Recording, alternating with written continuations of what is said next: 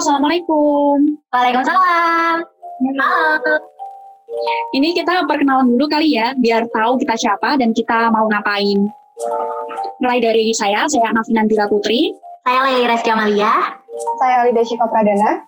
Dan saya Dina Nikmatul Olia. Jadi kita di sini akan membahas mengenai kepemimpinan. Menurut kalian, pemimpin itu harus dituntut menjadi seorang sempurna nggak sih? Kalau menurutku sih iya ya. Di mana di sebuah organisasi atau perusahaan nih kalau ditanya pasti identiknya sama pemimpin. Bener banget. Soalnya itu kan uh, seorang leader atau pemimpin itu kan kayak motor penggerak organisasi gitu loh. Karena semua pencapaian itu kan tergantung dari kualitas seorang leadernya itu kayak gimana. Tapi leader ini juga manusia loh. Ingat, emangnya emang manusia tuh ada yang sempurna gitu? Sih, seorang leader kan juga manusia, kan nggak mungkin 100% itu sempurna. Tapi setidaknya dia itu memiliki beberapa aspek yang nggak bisa ditawar. Oke, okay, pastinya leader itu kan harus cerdas ya, bukan cerdas yang kayak harus pinter, IQ-nya harus tinggi, bukan sih. Lebih ke cerdas dalam uh, membaca sebuah situasi. Secara kan seorang leader harus bisa jadi seorang visioner, karena sebuah organisasi kan juga nggak akan berdiri di waktu itu aja. Ya, tapi visioner itu dia juga harus do something to make the vision really happen kan. Gak cuma bermimpi gitu aja, tapi kemampuan to find way-nya juga harus bagus. Kalau suatu plan ya, suatu plan nggak berjalan lancar, leader itu perlu dong yang namanya kalkulasi gitu kan timnya iya Iya sih, leader itu harus mempunyai sensitivitas. Dia itu harus bisa membaca situasi yang kiranya suatu plan itu bisa berjalan dengan lancar uh, tidak hanya cuma satu plan, dia itu harus memiliki plan cadangan, plan A, plan B, plan C. Juga dia itu harus udah dipikirkan ketika dia mau mengambil keputusan apa gitu. Dalam realisasinya ini, si leader ini yang harus lebih semangat daripada anggota lain. Ya nggak sih? Istilahnya ya sampai titik darah penghabisan lah. Ya kali nggak banget si leader ini kalau misalkan dihadapkan masalah dan misalkan hal-hal yang unexpected gitu ya, dia langsung ghosting dan ya left the chat kan nggak lucu banget kan iya bener banget bener banget Mel ambil contoh aja dari situasi pandemi kayak gini ya strategi apa sih yang bisa dilakukan oleh seorang leader untuk mengatasi permasalahan internal eksternal. Ya kalau organisasinya jadi kacau itu kan malah bikin pusing kepala gitu loh Loh, menurutku ya Bin, kalau pas masa-masa kritis kayak gitu tuh bakal kelihatan jelas apakah memang si leader ini adalah istilahnya itu kayak mata langkah atau dia tuh tepi sungai. Makanya kita tuh bisa jadikan pandemi kayak gitu tuh kita bisa ambil sisi hikmah positifnya itu. Nah kita nggak bakal tahu dong kalau nggak ada pandemi seperti ini kita nggak bakal tahu apakah si leader itu memang pantas atau memang si leader ini bisa memutuskan uh, ke timnya dengan keputusan yang jelas.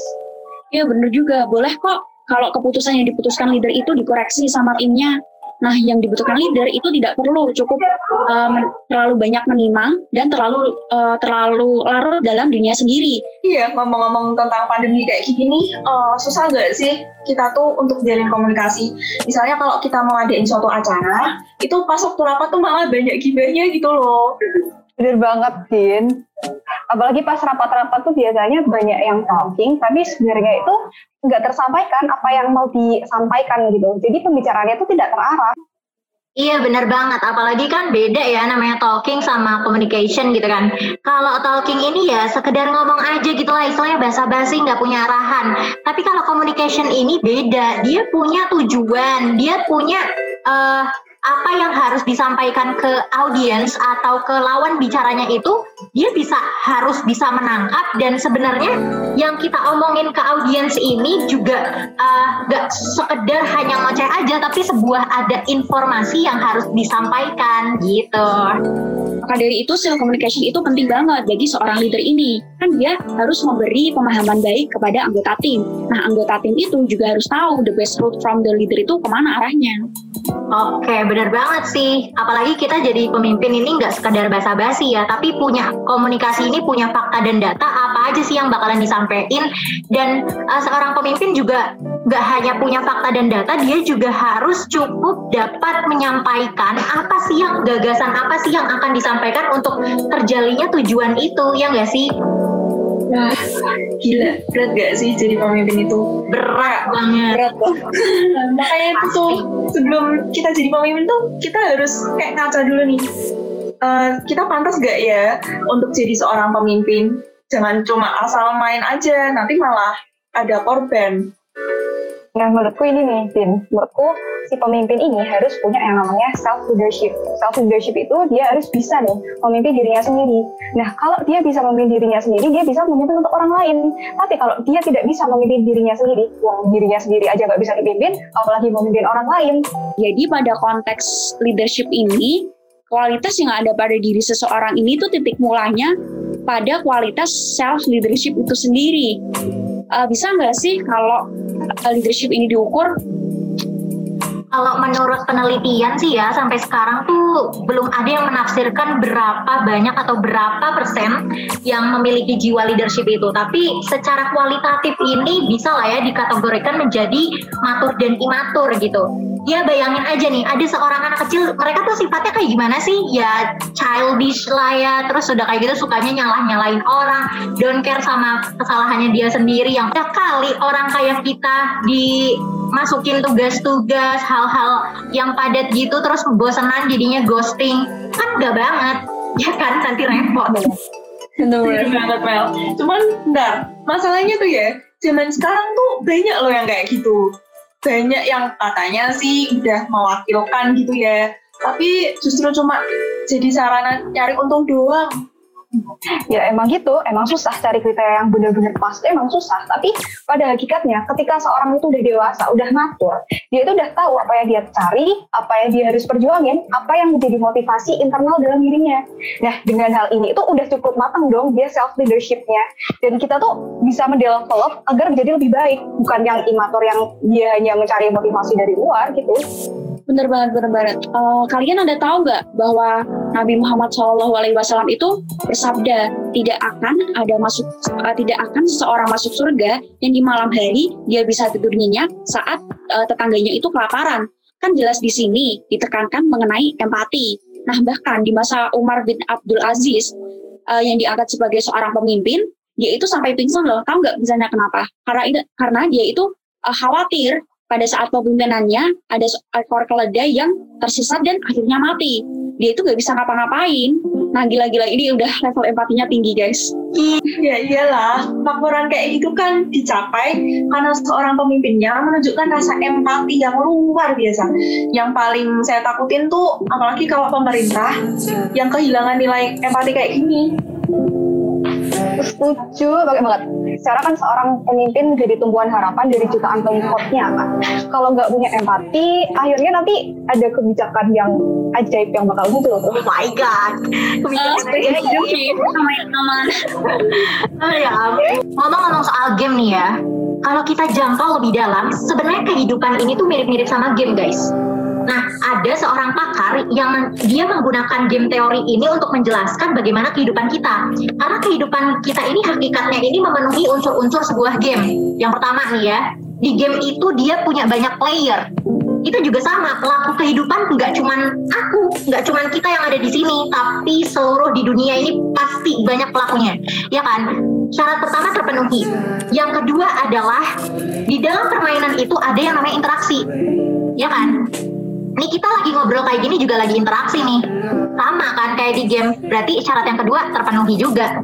Nah, yang ketiga, setiap masing-masing dari player ini punya tujuan, punya goal.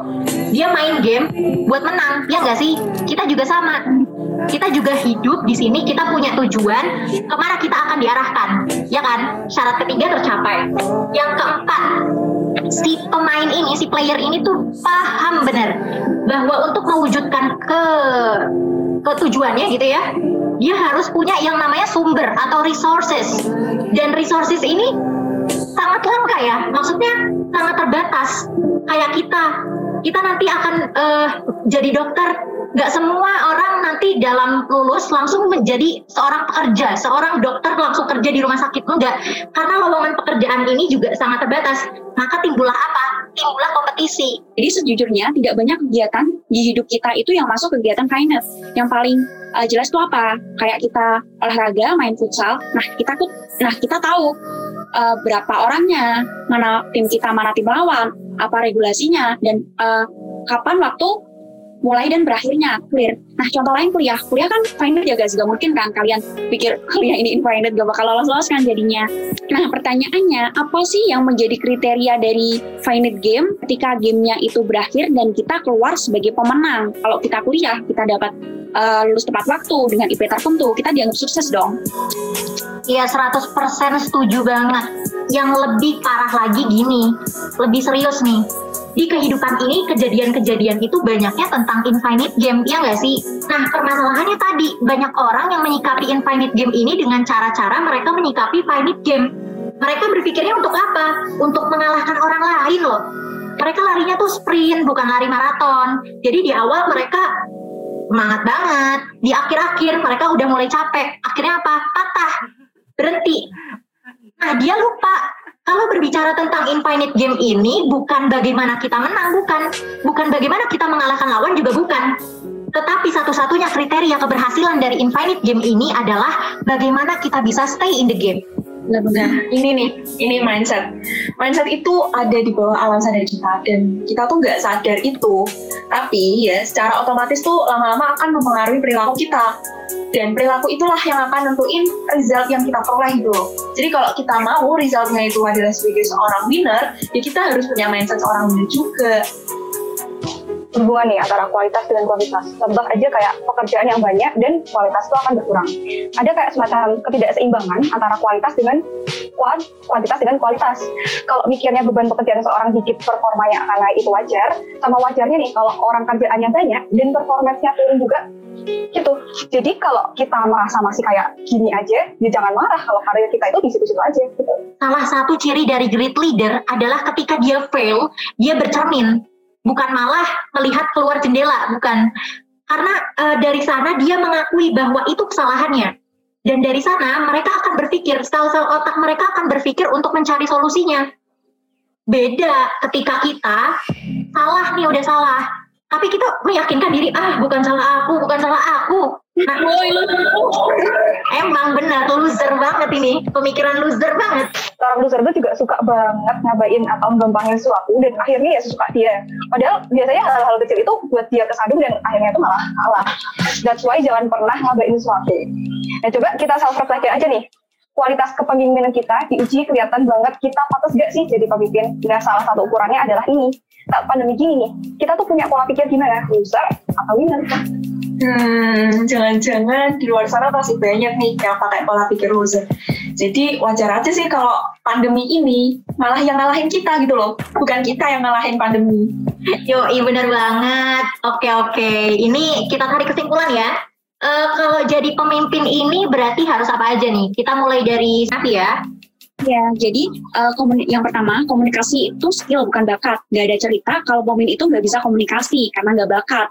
Yang ada dia itu males buat belajar atau sengaja bikin orang bisa komunikasi. Jadi komunikasi itu bukan hanya cerdas dalam pengetahuan, tapi juga cerdas dalam kecerdasan emosional. Ini panel saya tentang leadership ya. Jadi itu orang banyak mikir, gampangnya tuh leadership ini tuh kayak obat sakit kepala yang diminum sekali, terus langsung hilang sakit kepalanya gitu terus problem solve gitu. Nyatanya tuh nggak semudah itu dan nggak secepat itu juga. Banyak hal yang harus dipelajari, yang harus dimiliki dan itu tuh nggak bisa ditawar. Nah, menurut aku di sini tuh ada peran yang namanya positive mindset. Nah ini kenapa kok berperan penting? Karena si leader ini harus namanya pintar-pintar, istilahnya tuh pintar putar otak lah buat cari jalan, sehingga keputusannya tuh menjadi jelas ke mana arah tujuan yang ingin dicapai bersama. Ya nggak menuntut juga si leader ini benar-benar harus perfect, tapi kan setidaknya jangan sampailah si leader ini mengulangi cara kepemimpinan yang sama terus-terusan, memimpin di jalan yang sama terus-terusan. Inovasi itu penting bro. Wes, ya. inovasi itu penting bro, siap. Oke, selanjutnya kita uh, closing statement dari Dina ya. Wait, Dina, aku spotlight dulu. Oke, okay, jadi uh, closing statement dari saya, ya seorang pemimpin itu jangan childish lah. Childish yang dalam artian tuh egonya itu masih besar gitu loh. Yang masih serakah, masih mikirin dirinya sendiri. Itu menurut saya tuh belum cocok untuk jadi seorang pemimpin. Karena pada hakikatnya setiap kita adalah pemimpin. Pemimpin untuk diri sendiri, untuk terus selalu mengoreksi hal-hal kecil dan untuk selalu meningkatkan performalitas kita dari hari ke hari dan juga terus selalu berproses. Sekian dari kami. Uh, wassalamualaikum warahmatullahi wabarakatuh. Sampai jumpa semuanya.